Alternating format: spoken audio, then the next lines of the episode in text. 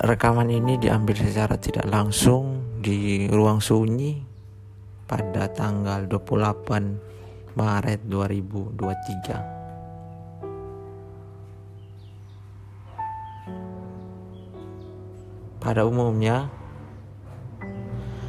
masuk usia belasan adalah momen di mana kita mulai berpikir, berbicara tentang mimpi-mimpi bukan lagi sekedar realitas semata tetapi sudah seharusnya memang mengenal apa yang kita kehendaki dan kita cari. Entah itu cita-cita cinta atau hal-hal lainnya. Tetapi balik juga dengan realita di lapangan. Beberapa dari kita juga mungkin punya penyesalan tersendiri untuk bertumbuh jadi dewasa karena menjadi dewasa itu sendiri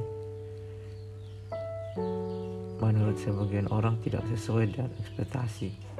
Mulai dari semacam bisa bertumbuh bebas tanpa ada larangan tanpa berpikir bahwa sebenarnya ada batas-batas dengan sosial yang jika dikaji lebih jauh kita akan mengenal yang namanya rambu-rambu dan bagian jalan mana yang sepantasnya cocok. Dan ada sebagian jalan yang untuk sementara perlu dihindari atau sama sekali tidak perlu dilalui. Masuk fase dewasa sedikit demi sedikit mulai memahami bahwa sebetulnya diri sendirilah yang menjadi pelang penunjuk jalan. Dalam memahami rute perjalanan hidup yang mengambil jalur mana yang harus berani diambil dan punya pikiran tersendiri, tersendiri bahwa ada jalur yang memang tidak bisa dilalui dan perlu dihindari dengan sedikit memahami ada area mana yang jadi tempat perhentian sementara guna memahami lingkungan yang dihadapi. Saya juga dibuat sadar bahwa dalam fase remaja inilah sewajarnya patut dipahami bahwa saya perlu membatasi pilihan mana yang harus diambil dan ada batasan lainnya untuk direlakan begitu saja. Jujur, ini adalah reminder buat diri saya sendiri juga. Hal lain yang tidak kalah penting adalah mengingat bahwa sebuah batasan ada batas wajarnya.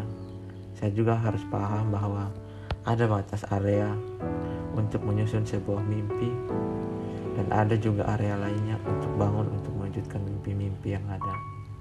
Ini semua terkait dengan waktu dan menyesuaikan waktu tanpa membuang-buang peluang yang datang dan tanpa berpikir bahwa kesempatan kedua selalu ada. Hidup memang demikian kita untuk terus dan terus bergerak untuk menghadapi sebuah resiko. Bukan dalam hal memaksa tapi lebih ke arah beradaptasi. Yang wujudnya dalam angan sembari berharap ada sebuah kejelasan di ujung sana. Kemudian berjalan dalam waktu dan proses yang ada dalam ambisi dalam pengejaran itu kadangkala ada saja hambatan yang secara tidak sengaja dibuat oleh diri sendiri mulai dari planning yang dalam upaya dari capaian target hanya sebatas sebuah resolusi tanpa adanya sebuah eksekusi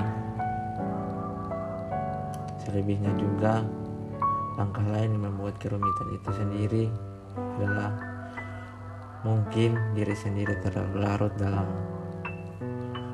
pikiran orang lain.